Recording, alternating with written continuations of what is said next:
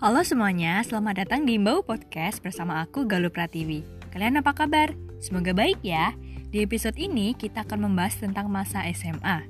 Kata orang, masa SMA adalah masa paling indah. Bener gak sih? Terus, apa yang membuat masa itu begitu indah? Yang membuat indah seperti merasakan indahnya jatuh cinta, persahabatannya luar biasa, kenal banyak orang, terus masih banyak lagi kan? Nah, topik podcast kita episode hari ini menarik banget ya. Pokoknya kalian jangan sampai kelewatan. Stay tune di podcast Bau. Bye-bye.